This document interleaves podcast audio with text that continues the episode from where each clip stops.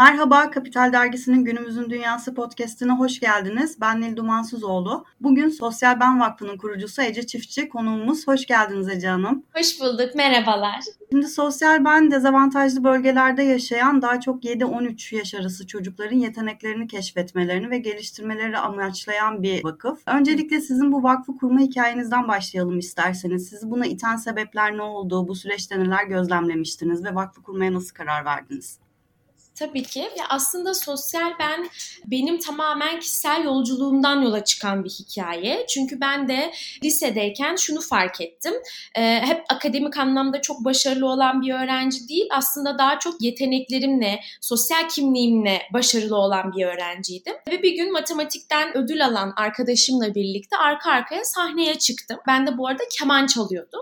Ve keman çaldığım için sahneye çıktım. Ve o sahneye çıkmak aslında bana çok ciddi bir aydınlanma sağladı. Çünkü o an şunu fark ettim. Bir tarafta kalıplaşmış başarı örneği var. Bu bu arada akademik alandaki her şey aslında. E, o da sahnede, ben de sahnedeyim. O da alkışlanıyor, ben de alkışlanıyorum. Ve o da topluluk önünde bir şey yapıyor, ben de topluluk önünde bir şey yapıyorum. Ve sahneden indiğimde hep şunu söylemiştim. Ya ben matematik yapmak zorunda değilim. Keman çalıyorum ve keman çaldım. Yani yapabildiğim ve yeteneğim üstünden de bir konumlanma yaşayabiliyorum toplumda. Dolayısıyla bu farkındalık aslında beni rahatlatması gerekirken, oh tamam ben kendi alanımı buldum demek gerekirken beni rahatsızlığa itti. Rahatsızlığa iten kısım da şuydu. Bunu keşfetmek bir deneyim.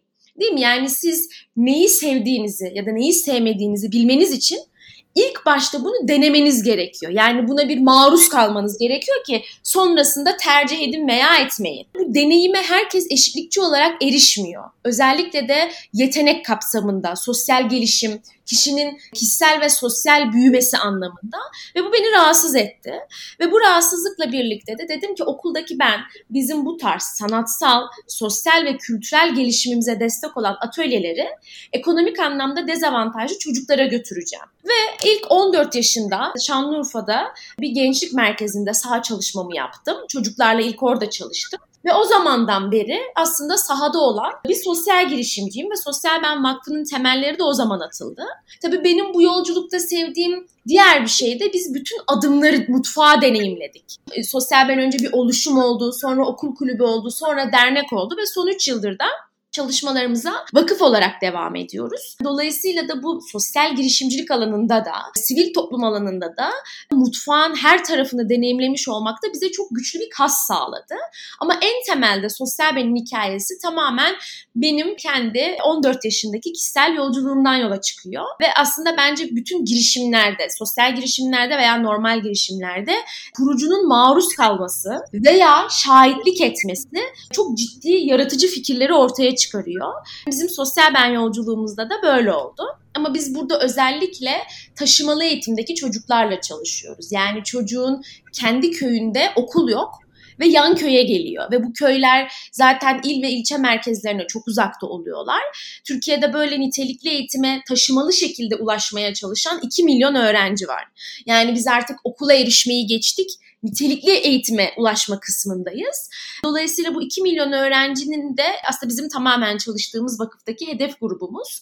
O çocukların yeteneklerini keşfetmek, güçlendirmek ve sonrasında da yönlendirmek. En temel şekilde bu çalışmaları yürüten 7 yaşında yeni nesil bir vakıf sosyal ben. Yani çok haklısınız. Keman çalmanın da bir başarı olduğunu, sadece akademik başarının bir kriter değil, başka başarıların da kriter olduğunu anlamak gerekiyor ve anlatmak gerekiyor ve desteklenmesi gerekiyor. Çünkü sen keman çalıyorsun ya da çok iyi basketbol oynuyorsun ama matematiğin iyi değilse hep başarısız olarak görülüyorsun.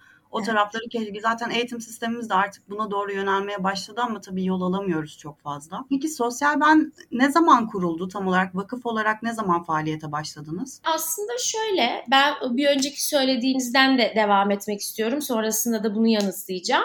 Şimdi bu bizim aslında tamamen kişisel gelişim dediğimiz şey akademik performans kadar önemli. Şimdi biz bunu iş dünyasında da konuşuyoruz. İşte çalışanların, personelin farklı yetkinlik alanlarını güçlendirmeye yönelik çalışmalar var eğitimler, işte kurumsal sosyal sorumluluk çalışmaları bunun yine bir parçası. Dolayısıyla biz bunu eğitimin içinde bir yerden tutmazsak önümüze zaten geliyor. Ya üniversitede geliyor ya iş dünyasında geliyor. Buna yönelik de dinleyicilerimiz için bir kitap önermek istiyorum. Marcus Buckingham var ve aslında bizim bugün sosyal benin söylediği aynı şeyi yani çocukların akademik performansın yanında sosyal gelişimlerini de güçlendirmeye yönelik, yeteneklerini de güçlendirmeye yönelik aynı şeyi iş dünyası için, beyaz yakalılar için söylüyor. Ve söylediği şey tamamen şu. Eğer çalışanlarımızın, takım arkadaşlarımızın yapamadıkları şeyler üstünden onları yaptırtmaya çalışıp alkışlamaya çalışmak yerine yani bizim işte bu matematik ya da e, kalıplaşmış başarı algıları üzerinden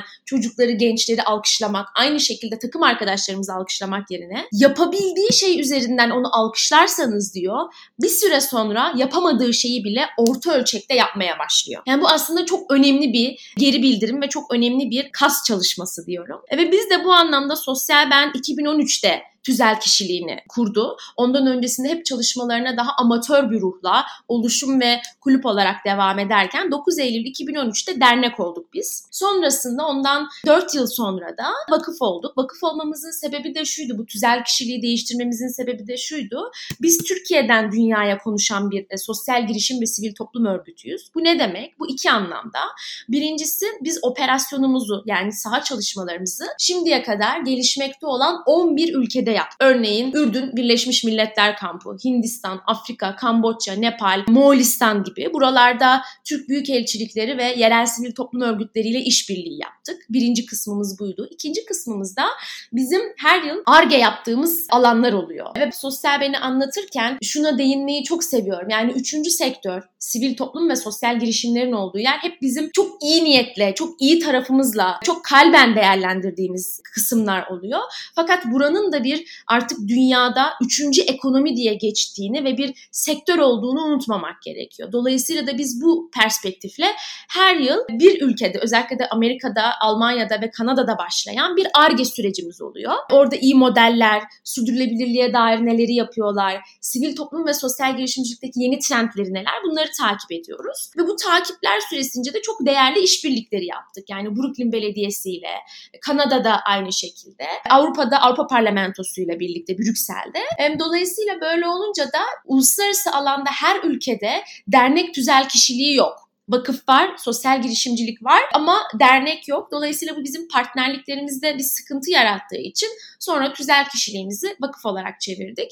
E, ama 2013'ten beri biz Türkiye'de 73 ilde 982 gönüllümüzle birlikte 45 bin çocuğa ulaşmış yeni nesil bir sivil toplum örgütüyüz. Yeni nesilden kastım da hem kaynak geliştirme modelleri hem de alana sunduğumuz en azından kendi modelimizdeki yenilikçi projeler ve aslında sürdürülebilirlik örnekleriyle diyebilirim. Şimdi siz resim, müzik, dans, oyun, yaratıcı yazarlık, kısa film ve fotoğrafçılık, spor, icat olmak üzere 8 temel atölye ile çocuklara ulaşıyorsunuz. Hangi çocuğun hangi atölyeye katılması gerektiğini nasıl karar veriyorsunuz? Bu anlamda sosyologlar, psikologlar pedagoglarla birlikte mi çalışıyorsunuz? Çekirdek ekip gönüllüler dışında kimlerden oluşuyor? Şimdi aslında en temel şeyimiz gönüllüler. Gönüllülerimiz de 18-25 yaş aralığında bir üniversiteli gençler var. Bir de pandemiyle birlikte biz bir e-gönüllülük kampanyası yaptık. Orada da dijital gönüllerimiz var. Fakat tabii bu atölyeler ben sosyal beni anlatırken şeyi demeyi çok seviyorum. İnsanların hakkında daha iyi canlanıyor. Biz köy enstitülerinin modern halini yapıyoruz. Bizde şu anlık sadece tarım yok. Dolayısıyla bu atölyeler çok önemli. Hepsinin 36 saatlik ders programları var ve bu ders programlarını atölye koçları hazırlıyor. Yani bizim bünyemizde atölyelerimizi hazırlayan, çoğu bizim destekçimiz ve yönetim kurulu olan atölye koçlarımız var. Bu ne demek? Yaratıcı yazarlık atölyemizin atölye koçu zaten profesyonel bir çocuk yazarı. O müfredatı hazırlıyor, içerikleri, etkinlikleri hazırlıyor.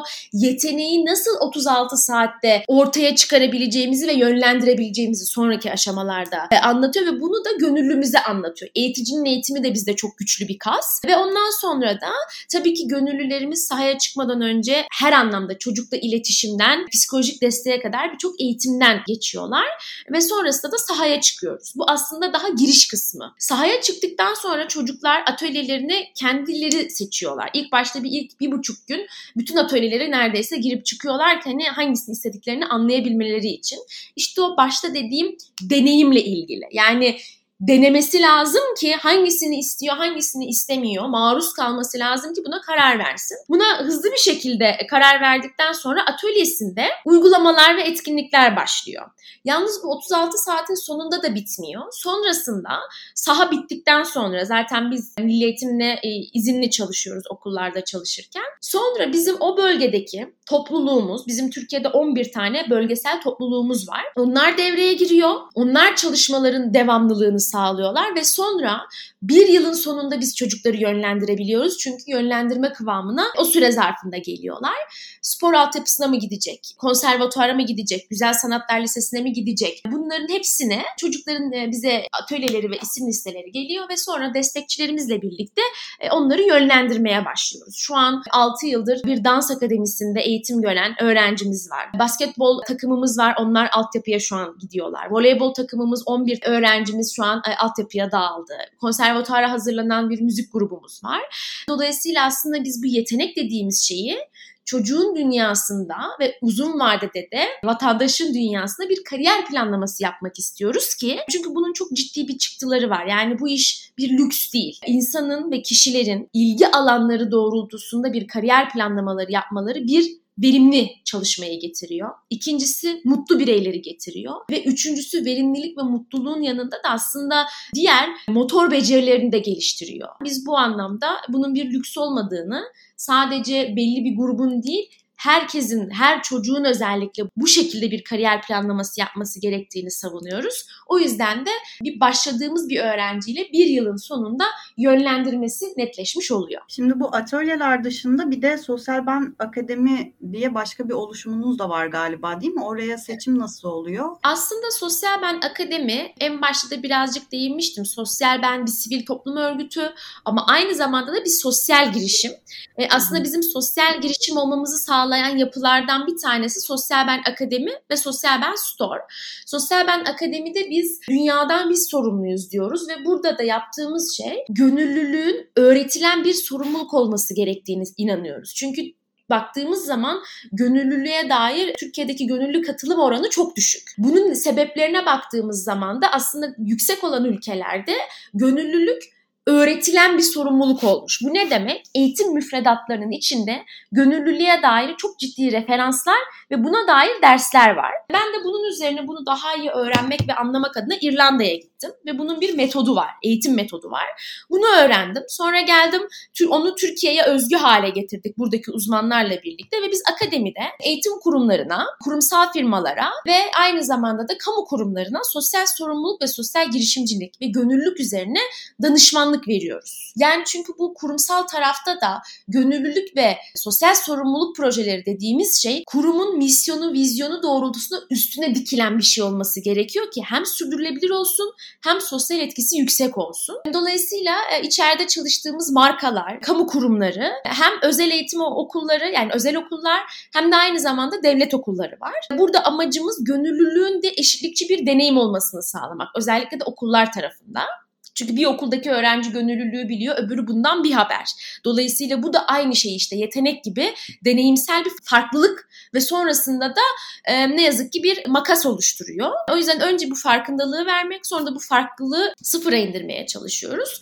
E, akademi de bu noktada vakfın iktisadi işletmesi danışmanlıktan elde ettiği gelirin %45'ini Sosyal Ben Vakfı'na koyuyor. Dolayısıyla da aslında bizim bütün bu sosyal girişimcilikte aldığımız ödüllerin en temelinde Sosyal Ben Akademi'nin hem bu danışmanlık modeli hem de bu sosyal etkisi yatıyor. Akademide bir de biz bir Avustralyalı partnerimizle birlikte çalışıyoruz. Onlarla da birlikte bir gönüllü değişim programı yapıyoruz. Peki pandemi döneminde nasıl pandemi dönemini yönettiniz? Online'a taşınan etkinlikler zorladı mı? Çünkü bunlar fiziksel aktiviteler. Çocuklar ne yaptı bir de bu süreçte? Onların gözünden nasıl bir pandemi geçtiğini gözlemlediniz? Biraz paylaşır mısınız deneyimlerinizi? Tabii ki. Şimdi biz pandemi zamanında tabii ki sosyal ben birçok şeyi ne kadar yeni nesil bir sivil toplum örgütü olsa da çok fiziki ve yüz yüze yapıyordu. Dolayısıyla biz pandemide ilk başta katılımı dönüştürdük. E-gönüllülük kampanyası oluşturduk Mart ayında ve Mayıs ayının son haftasına kadar bu devam etti. E-gönüllülükle birlikte aslında şunu söyledik ki evde olabilirsiniz ama gönüllülük sizinle her yerde. Eğer internet erişiminiz varsa Sosyal Ben Vakfı'na gönüllü olabilirsiniz dedik. Ve bu e-gönüllülük kampanyası da aslında Türkiye'de kendi alanımızdaki birçok paydaşımıza da örnek oldu. Bundan da çok hani mutluluk duyuyoruz. Ve bu e-gönüllülük kampanyasıyla birlikte gönüllü demografimizi 18-25'ten 14-30 yaş grubuna kadar genişlettik. Birinci kısım buydu. İkincisi baktık ki biz gönüllülüğü yani katılımı dönüştürebiliyoruz. Bunun üstüne dijital saha yapalım dedik. Yani sahaları da operasyonumuzu da dijitalleştirdik. Bütün atölyelerimizi önce telefonla çocuklara anlattık. Telefonda videolarını çekip evde bulabilecekleri malzemeler üstünden anlatıp e, sonrasında da bunu artık stüdyo ortamında yaz döneminde çekmeye başladık ve dijital sahalar yapıyoruz biz. Yani çocuk internet erişimi olduğu yerden girdiğinde bizim atölyelerimize bizim okulda olduğumuz gibi devam edebiliyor. Hatta geçen sene bu anlamda 23 Nisan'da da bir işbirliğimiz oldu ve evden eve 23 Nisan diyerek sosyal ben atölyeleriyle yaklaşık 15 bin öğrenciye ulaştık. Sonra bunları yaptıktan sonra dedik ki aslında biz kaynak geliştirmeyi de dönüştürmemiz lazım. Store yani mağazamızı, ürünlerimizin olduğu ve danışmanlığımızı komple dijitale çevirdik. Ve ondan sonra da aslında bugün herkesin konuştuğu ofis ekibimizle birlikte bir hibrit model üstüne, çalışma modeli modeli üstüne yoğunlaştık. Biz bütün dijital dönüşümümüzü e-sosyal ben çatısı altında e-gönüllülük, dijital saha, dijital kaynak geliştirme modelleri e, olarak devam ediyoruz. Umuyorum yarın pandemi bittiği zaman sosyal ben sadece insan gücüyle hibrit olarak değil, bütün operasyonuyla hibrit olarak çalışmaya devam edecek. Dolayısıyla biz pandemiden dijitalleşmeye yönelik büyük derslerle çıktık diyebilirim. Çocuklar tarafında da çocuk demografimizde de e-sosyal ben çocukları diye bir grup oluşturduk. Şu an 200 tane öğrencimiz var orada. Zoom üzerinden tamamen dijital platformlarda bizimle çalışan ve tanışan çocuklar oldu. Tabii burada e-sosyal ben çocuklarıyla sahadaki sosyal ben çocukları arasındaki en temel fark internet erişimiyle ilgili. Bugün baktığımız zaman hala e, taşımalı eğitimdeki olan çocukların internete erişmekle ilgili çok ciddi sıkıntıları ve problemleri var. Biz sosyal ben olarak bunları görmezden gelmiyoruz. Oraya da tabii ki kaynak geliştirme anlamında çalışmalar yapıyoruz. Ama dijitaldeki hedef grubumuz tabii ki internete erişimle doğru orantılı genişledi ve çeşitlendi. Peki son olarak Türkiye'deki eğitimde fırsat eşitsizliği sorununa da değinmek istiyorum. Siz dezavantajlı bölgelerdeki çocuklarla yakından temas kuruyorsunuz. Onların ihtiyacı nedir? Neler geliştirilmesi gerekiyor? Bu konuda kamuya ve özel sektöre neler düşüyor? Bu konudaki düşüncelerinizi de alalım. Eğitimde fırsat eşitsizliğinin en temel sebeplerinden bir tanesi de işte bu bahsettiğim deneyim. Deneyim alanlarının bir okulda farklı, öbür okulda farklı olması bugünün çocukları, yarının gençleri arasındaki makası çok ciddi bir şekilde arttırıyor ne yazık ki. Bazı okulların fiziki anlamda desteğe ihtiyacı varken bazı okullardaki özellikle de çoğu çocuğun deneyimsel alanlara ihtiyacı var. Yani rol modellerle buluşmasına ihtiyacı var. Kendini geliştirmek ve güçlendirmeye yönelik coğrafyanın kader olmamasından hani coğrafya da çünkü çoğu zaman çocuğa engel oluyor. Kar düştüğü zaman ilçe merkezine inemiyor ya da işte dansa yeteneği var ama o il ve o ilçede dansa dair bir aktivite olmuyor oluyor. Dolayısıyla benim buradaki en temel çağrım belki fiziki eksiklikler bir şekilde topyekün olarak karşılanabilir ama deneyim eksiklikleri ne yazık ki makası açtırıyor. Hem kurumsal firmaların hem bu anlamda gönüllü olmak isteyen bireysel destekçilerin yapabileceği en temel şey çocuklar için o deneyim alanlarını oluşturmak. Yani biz sosyal bende bunu 8 atölye üzerinden yapıyoruz. Ama mesela bazı kurumsal firmalar sadece meslek tanıtımını bu taşımalı eğitimdeki liselerde, ortaokullarda yapabilirler. Çünkü çocukların gerçekten o kişilerle sohbet etmeye, dokunmaya ve diyaloğa geçmeye ihtiyacı var. Çünkü zaten bunlar sağlandıktan sonra bunu deneyime de bir de döktüğünüz zaman yani uygulamaya da döktüğünüz zaman zaten sonrasında çocuk o motivasyonuyla, o iştahıyla getiriyor. Yeter ki bizim o anlamda bir zemin oluşturmamız gerekiyor. Ben en çok buna dikkat çekmek istiyorum. Çünkü bu gönüllülükte de aynı şey. Yani özel okuldaki öğrenci gönüllülüğü deneyimliyor ama yan lisedeki ya da yan okuldaki çocuk bundan bir haberse bu üniversitede de böyle devam ettiği zaman iş dünyasına geldiği zaman CV'sinde aa bir de gönüllülük yapmış olarak artıya geçiyor. Oysa ikisine de deneyimsel olarak eşit şeyi sunduktan sonra belki değerlendirmek daha adil olacaktır. E, bu anlamda en büyük geri bildirimim ve yorumum bu olacaktır. Deneyimleri eşitlikçi bir hale getirebiliyor olmak, makası açmıyor olmak. Peki canım çok teşekkür ederim katıldığınız için. Çok teşekkür ediyorum. Çok keyifliydi. Görüşmek üzere. Hoşçakalın. Görüşmek üzere.